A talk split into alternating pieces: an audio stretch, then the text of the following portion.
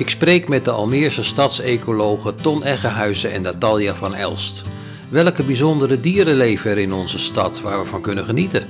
Hoe werkt de gemeente aan het behouden van soorten die soms ook zeer zeldzaam zijn? En hoe zit het met de pinksterbloemen? En welk zeldzaam dier is er inmiddels op de wildcamera's gespot in de stad? In deze podcast nemen de stadsecologen Ton Eggehuizen en Natalia van Elst je mee in de bijzondere natuur van Almere. Almeerders krijgen steeds meer waardering voor de natuur in onze stad. Ze zijn er zelfs trots op. Dat merk ik uh, alom. Klopt die trend, Tom? Ja, dat zien we zelf ook wel. We zien steeds meer uh, mensen ook, ook lid worden bijvoorbeeld van, uh, van IVN of van, van een vogelwerkgroep. Uh, er is heel veel aandacht voor de natuur bij de inwoners. Maar ja, dat is voor ons vaak niet genoeg. We willen nog, nog meer mensen, willen nog meer mensen betrokken hebben bij de natuur. En nog meer mensen ook daar een steentje aan laten bijdragen. Kijken of mensen hun tuin verder kunnen vergroenen. Of, of wat doen in, in de openbare ruimte. Maar ja, in zijn algemeenheid zien we wel dat natuur heel veel gebruikt wordt in, in de stad. En, uh, en dat er ook echt van genoten wordt. Ja, tegelwippen staan we inmiddels op nummer 1 in Nederland. Ja, ja daar, daar, daar, zie je dat bijvoorbeeld in. Dat, dat er steeds meer animo is. En dat zie je ook bijvoorbeeld bij, uh, bij de groene spelddragers. Een actie die vanuit de gemeente is. Dat is ja, er zijn een paar, paar honderd mensen al die zo'n speld hebben uitgereikt gekregen vanwege hun, hun betrokkenheid en hun, uh, hun, hun, uh, ja, hun, hun, werk aan, aan de groene stad. Ja, we zijn trots op de natuur. Noem nou eens een, een, een, een beest, een dier, waarvan jij zegt van nou, dat is echt iets bijzonders in Almere. Ja, dan kom ik automatisch op de knobbelzwaan uit. Maar zwanenton zijn toch overal? Uh, ja, maar um, uh, in de stad uh, is het wel een soort die heel erg dicht bij mensen ligt. Mensen hebben er toch een heel, heel warm gevoel van. Warm gevoel bij. En, en je ziet, en Almere is wat dat betreft ook wel een hele belangrijke stad voor die knobbelzwaan. Veel meer dan in het buitengebied. Die stad is, is een veel belangrijker biotoop aan het worden dan, dan de natuurgebieden. Hoe komt dat? We denken dat het komt omdat er uh, altijd wel mensen zijn die een broodkorst in het water, water gooien. Er is altijd voer.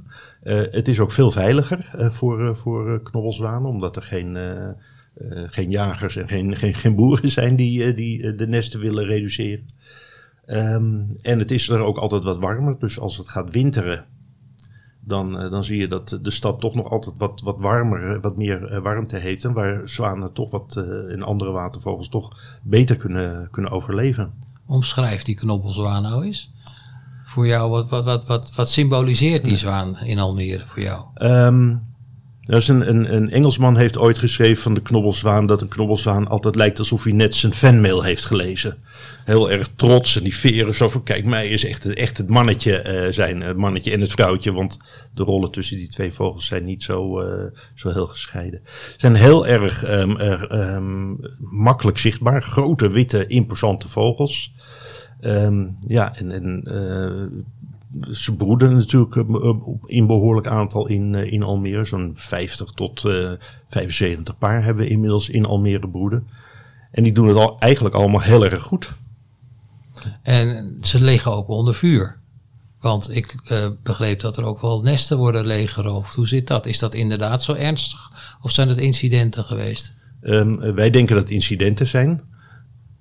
Want ja, er hoeft maar één um, min of meer bewezen geval te zijn. En als dat dan uh, in, de, in de bekendheid komt, in de, in de, uh, in de krant staat, dan gaan allerlei men, gaan, gaat, gaat iedereen allerlei uh, zaken zien die ze daar ook aan gaan koppelen. Dat als er dan ergens een jong zwaantje verdwijnt, dan is het ook meteen nes, uh, roof van dat jong geweest. Terwijl er ook allerlei natuurlijke oorzaken zijn. Dus wat je ziet is dat, dat één geval uh, in de pers vaak een soort cascade opwerpt van, um, van mensen die denken dat wat zij zien daar ook aan gekoppeld is. Ja, toch wel een goed teken, want de mensen gaan opletten. Dat is zonder meer waar. de mensen zijn, zijn zeer betrokken. Dat zien we ook als, als de Zwanenwerkgroep, waar ik ook actief in ben.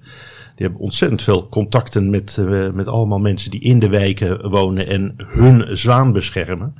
En daar, uh, daar echt hun ziel en zaligheid in, in, in stoppen.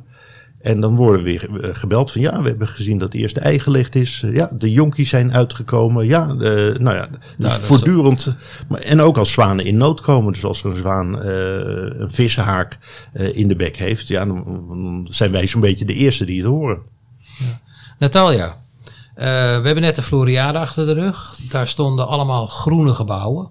Hè, van bouwmaterialen die groen zijn, eh, die eh, duurzaam zijn. In Almere staan wel meer van dat soort gebouwen. Wat, wat, wat, wat betekenen die groene gebouwen voor de, voor de natuur in de stad? Ja, die gebouwen die zijn eigenlijk eh, ontzettend belangrijk en die worden ook steeds belangrijker. Eh, het stedelijk gebied is zich steeds meer aan het uitbreiden. Ook in Almere zijn we steeds meer aan het uitbreiden. En dat neemt natuurlijk ook zijn plek in de natuur. Eh, daardoor krijgt natuur steeds meer plek ook in de stad. Maar die moeten we ook wel geven.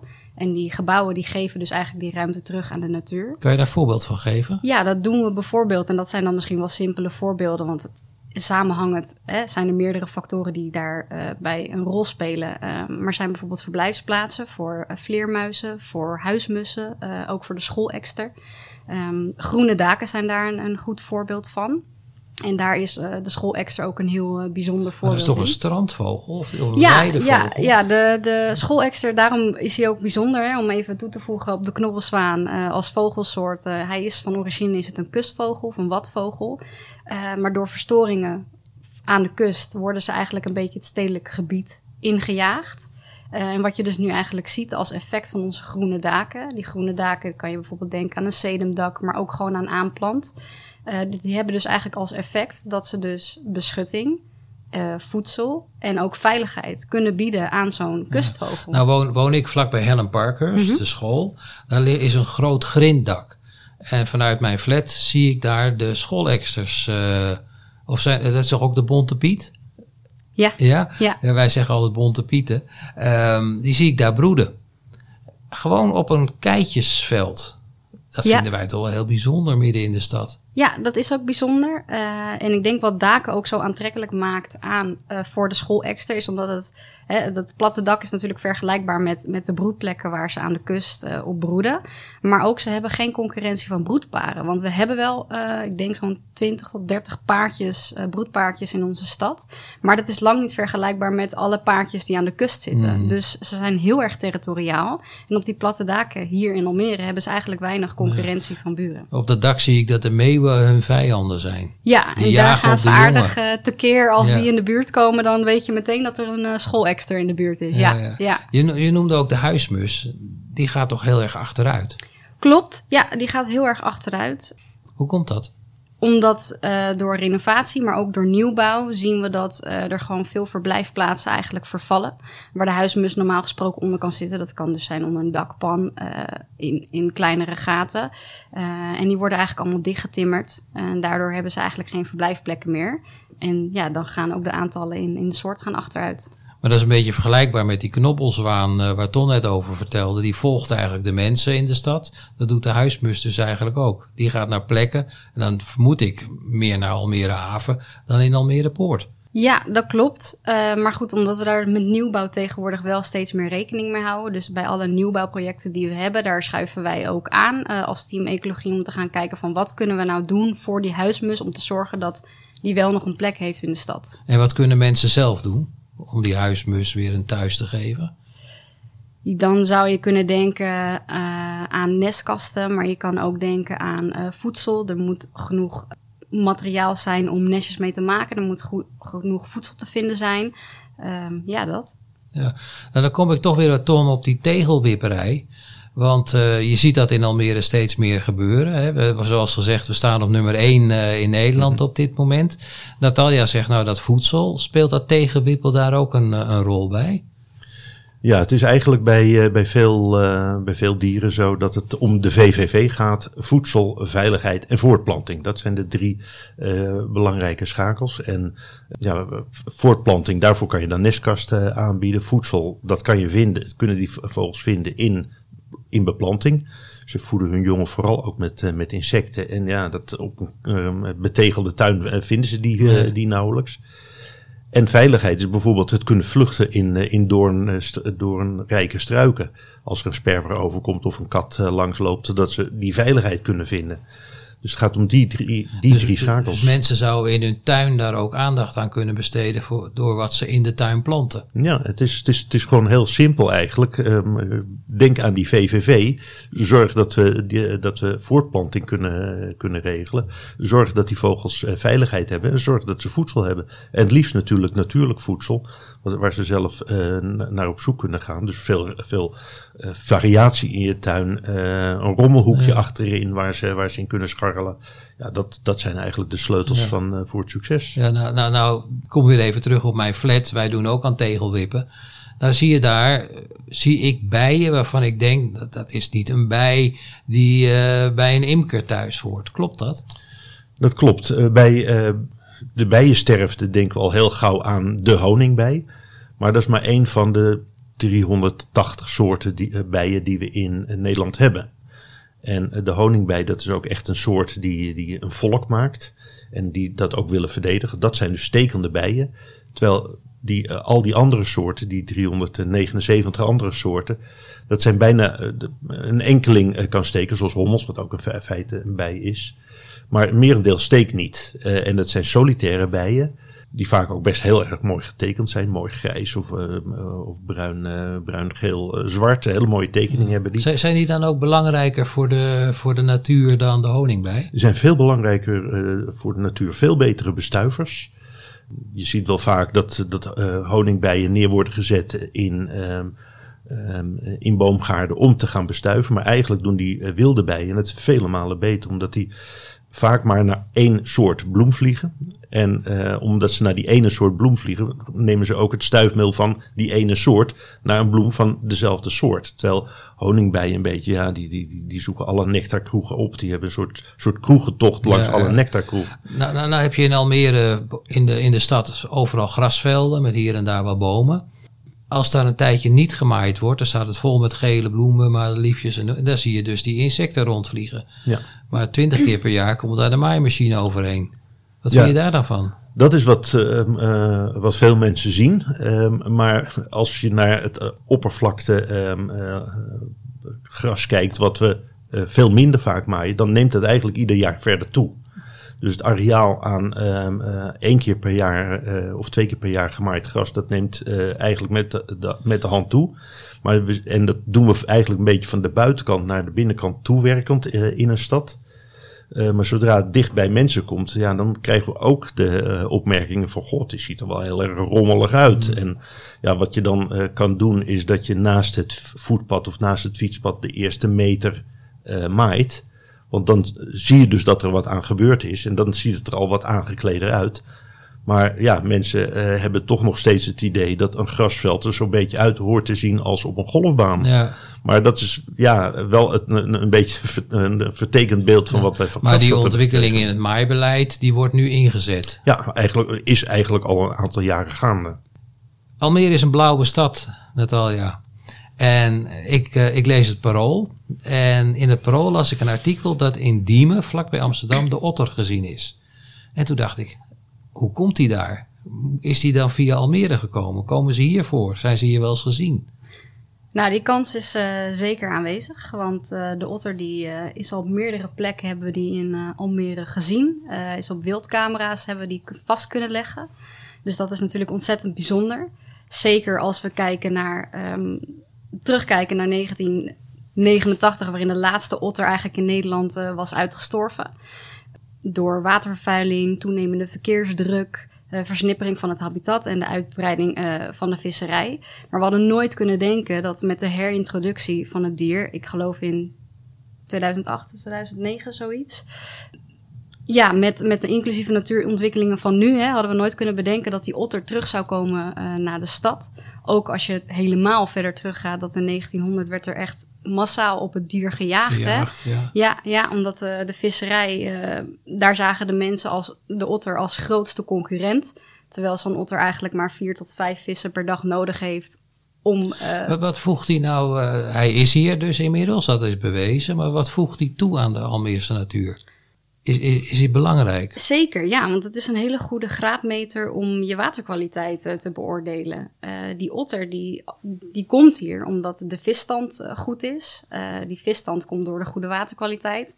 Daar hangt aan samen dat je de waterkwaliteit ook kan meten aan bepaalde waterplanten die we hier hebben, zoals de gele lis. Ehm, en nog een aantal andere soorten. Eh, dus ja, als je de otter in de stad hebt, dan geeft dat eigenlijk aan dat je je aquatische ecologie, zeg maar, dat je het daar goed voor doet. Nou, nou, nou zwemmen in de hoge vaart of de lage vaart bevers. Tenminste, dat heb ik wel eens gezien. Is dat dan ook de plek, of wil je het niet verraden, waar die voorkomt?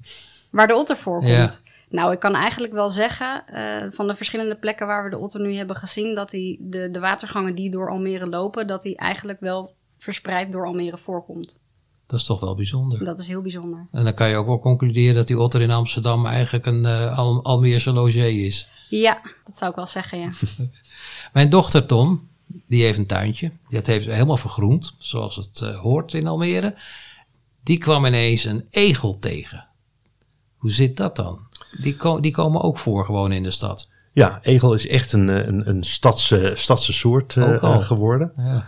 Ehm, en dat eh, komt omdat we naast die vele groene tuintjes ook eh, veel straatgroen hebben, wat in verbinding staat met het wijkgroen en met de parken en die parken weer met de grote natuurgebieden eh, rond Almere. En daardoor zijn al die populaties, die, die kleine populaties, al die nesten zijn met elkaar verbonden. Ehm, en mocht er ergens een, die egel uitsterven, dan zijn er altijd weer uit andere gebieden waar ze dan weer terug kunnen komen. We zien wel veel eh, verkeersslachtoffers, maar bij egel wordt vaak gezegd van ja, heb je veel verkeersslachtoffers, dan is je populatie heel erg groot. Dus daar zien we wel aan dat hij eigenlijk op heel veel plekken voorkomt. Alleen ja, niet heel veel mensen zien hem, omdat hij vooral s'nachts actief is. Het is een nachtdier. Het is vooral een nachtdier, ja. En, eh, en dan jagen ze bijvoorbeeld op, eh, op slakken en, ehm, eh, en andere insecten die je misschien wat minder in je tuin zou willen hebben. Dus het is ook een, een hele goede tuinier, Ja. tuinman. Nou, nou, nou hoorde ik laatst van dat mensen eigenlijk hun tuintje niet helemaal met een schutting moeten omheinen. Omdat ze er dan niet meer in kunnen. Klopt dat? Ja, dat zie je inderdaad steeds meer van die schuttingen die dan op een betonnen band staan. En waarmee, dan eigenlijk, waarmee je eigenlijk ook een soort badkuip creëert. Het water kan ook niet weg. Maar dat zijn, eh, zijn enorme barrières voor, eh, voor egels. Dus- En dat kan je gewoon eh, simpel oplossen door een klein egelpoortje erin aan te brengen. Alleen je moet er wel eventjes aandacht voor hebben. We weten dat, dat egels een, ja, misschien wel een kilometer per nacht kunnen, kunnen afleggen. Eh, En daarvoor scharrelen ze eigenlijk alle tuintjes af. Eh, ze weten ergens een vijvertje waar ze wat drinken. Eh, ze weten ergens een composthoop waar ze, waar ze voedsel vandaan kunnen halen. Dus die scharrelen al die tuintjes bij elkaar, scharrelen ze af om hun buikje vol te krijgen. En ja, dan die afgesloten tuinen, ja, die zijn dan, zijn dan niet bereikbaar voor een soort als de egel. En kan je, kan je ook iets doen aan een onderkomen voor egels? Want die zie ik wel eens in de tuincentra staan. Ja, die werken heel erg goed. Op een wat beschutte eh, plek achterin in de tuin. En eh, ja, werpen wat, eh, wat, wat takken overheen en wat bladmateriaal. Wat je anders toch op, overhoudt in een groene tuin. En dan worden die plekken prima gebruikt. Onze egelhuis is ook gewoon jaarlijks bewoond. In Almere Poort, ik meen dat, dat dat al heel lang geleden is, toen Almere Poort gebouwd zou gaan worden. Toen was er een enorme heisa. Er kon niet gebouwd worden, want de rugstreeppad kwam ervoor. Ik, ik geloof dat dat klopt, hè Tom? Ja, dat klopt. Ja, en Natalia, jij houdt je met die rugstreeppad bezig. Jij weet er in ieder geval wat van. Ja, nou en als Tom... Kom, eh, komt mag- hij nog steeds voor in Almere? Hij komt nog steeds voor in Almere. Eh, we zien hem eigenlijk voornamelijk, hè, want je noemde Almere Poort als voorbeeld. Eh, de reden ook dat hij daar voorkomt is omdat het het nieuwste deel van onze stad. Eh, de rugstreeppad zit eigenlijk vooral in pioniernatuur. En pioniernatuur is eigenlijk natuur dat ontstaat vanuit zandvlaktes. Hè. Het begint echt vanuit de bodem net te groeien. En de eerste soort die daar dan eigenlijk naartoe trekt, dat is die rugstreeppad. Maar die rugstreeppad is ook beschermd volgens de wet. Dus als hij daar dan inderdaad in jouw gebied zit waar jij wil gaan bouwen, dan moet het hele project eh, stilgelegd worden totdat die rugstreeppad eigenlijk weer vertrokken Maar de laatste jaren hoor ik dat niet meer. Wordt dat stilgehouden?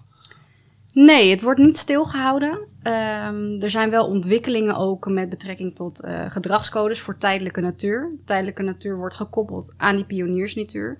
Dus er zijn manieren om eh, ontheffing te krijgen voor die tijdelijke natuur. En maar kan ik ze ook gewoon in mijn tuin tegenkomen? Of dat dus niet? begrijp ik. Dat zou niet zo snel gebeuren, nee. Dat komt, het is echt op die, die wat kalere vlaktes bij de nieuwbouw. Ja, dat klopt. Ja. En we hebben daar nu ook een ontheffing voor. Eh, en daar horen we er ook niet zoveel meer van, want eh, we, we, we houden er al rekening mee. En een hele belangrijke plek voor de rugstreeppad is nu eh, de vallei in Almere Duin. En dat is het eigenlijk een beetje het, het, gekke met zo'n rugstreeppad. Hij zit dus in die tijdelijke, die tijdelijke natuur. Maar van oorsprong zitten ze vooral aan de kustduinen. Dus voor die rugstreeppad is eigenlijk de aanleg van Almere Duin een zegen. Want daar ontstaat natuurlijk biotoop. En in die vallei zit een enorm grote populatie. En dan moet je echt een keertje in, in mei op een warme, zoele avond naartoe. Want dan galmt het van die rugstreeppadden. En dat galmt dan ook tegen al die hoge gebouwen eh, om die vallei heen. Het is niet een heel hard geluid. Het is echt een beetje, ja, een beetje tevreden knorren van die, van die dieren. En ja, heel veel mensen genieten daarvan. Je noemde toen straks de vleermuis, eh Natalia. Ik zie ze rond mijn flat vliegen. Ik heb geen idee waar ze wonen. Waar halen die beesten in hemelsnaam hun slaapplaats vandaan? Ik weet het niet, maar ik zie ze nu nog steeds, oktober, zie ik ze nog steeds vliegen. Vroeger zaten ze, ik weet, misschien is dat nog zo hoor, heel veel ook in eh, het Kromstootpark.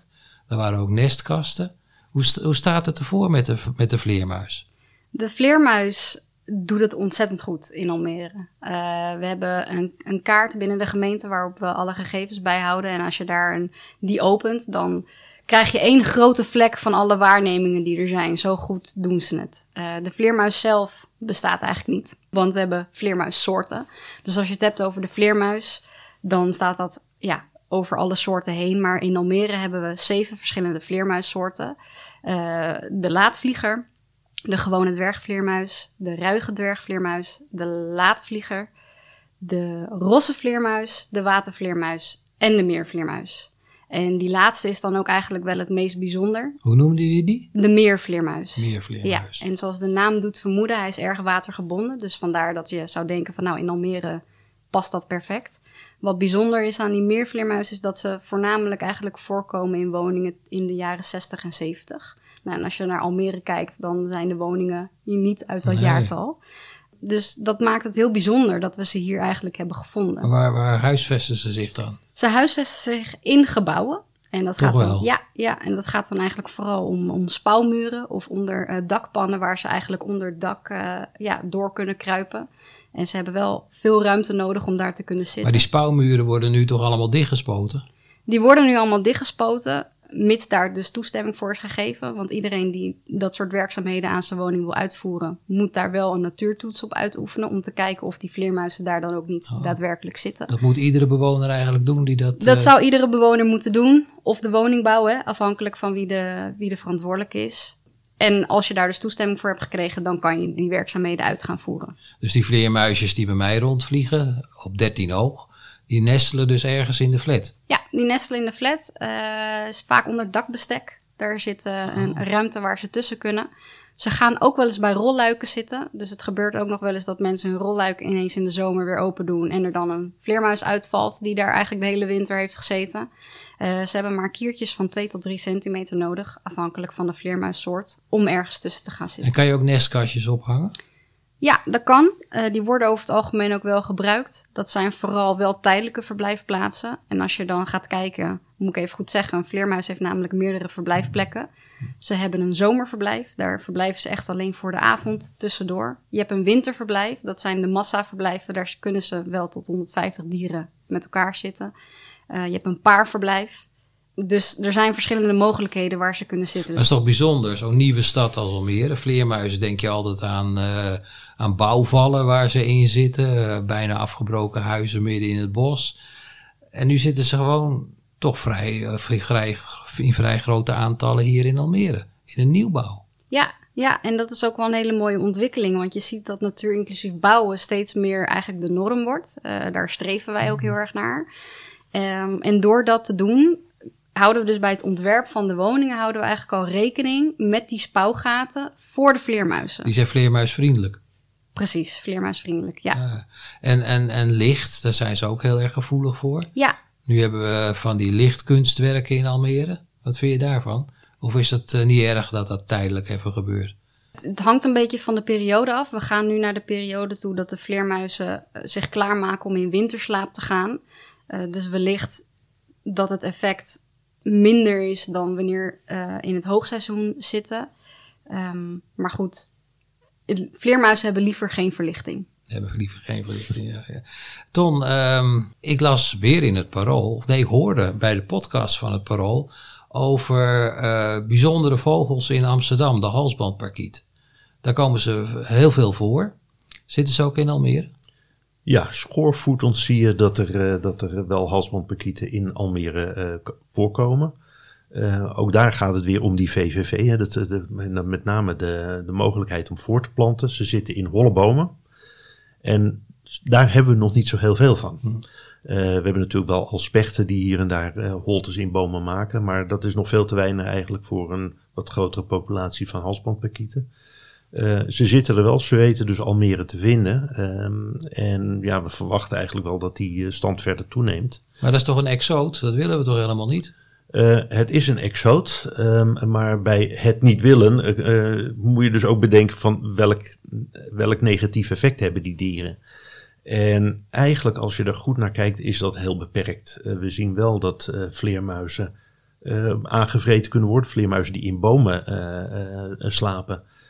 en als daar in diezelfde holte ook um, in zitten, dan, dan zou dat, waarvan wordt verwacht dat dat een negatief effect heeft.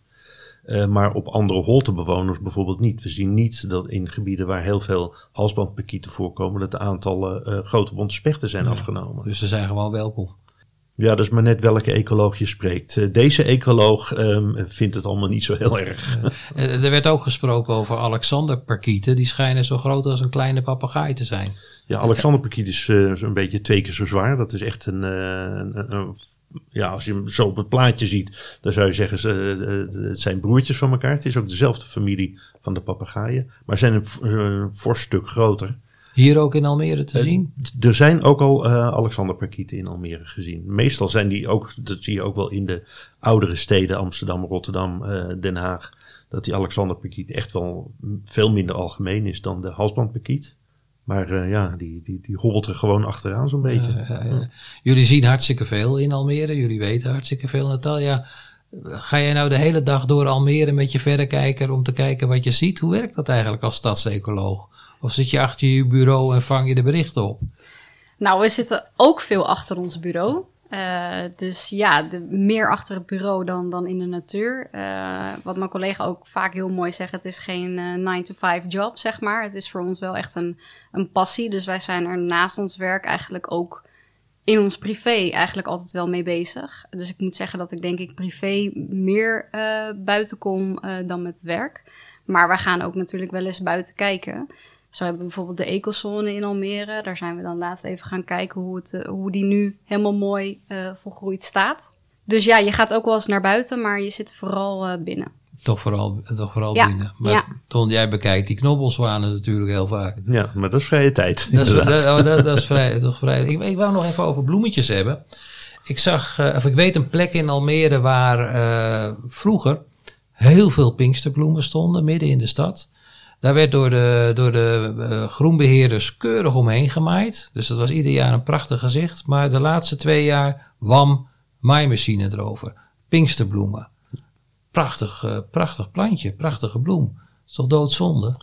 Ja, niet alleen een prachtige bloem om naar te kijken. Het is ook een belangrijke voedsel, uh, voedselplant voor, voor allerlei rupsen. Met name het oranje tipje. Die, de, de rups van het oranje tipje vinden pinksterbloemen onweerstaanbaar. Uh, en dat is ook de reden dat we die ook op hebben genomen in onze visie ecologie als, uh, als um, uh, gidssoort. Omdat het inderdaad wel een hele belangrijke plant is. En ook in het voorjaar er echt verschrikkelijk mooi uitziet. Dat, lacht, dat, dat zachte, zachte paars van die, van die bloemetjes.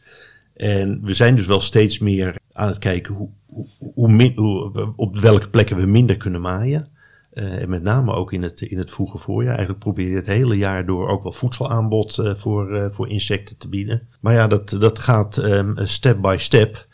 En ehm, ja, er zijn ook mensen die vinden dat het er, er rommelig uitziet. En die, ja. krijgen zowel vragen als van, kan er meer gemaaid worden? Als vragen, kan er minder gemaaid worden?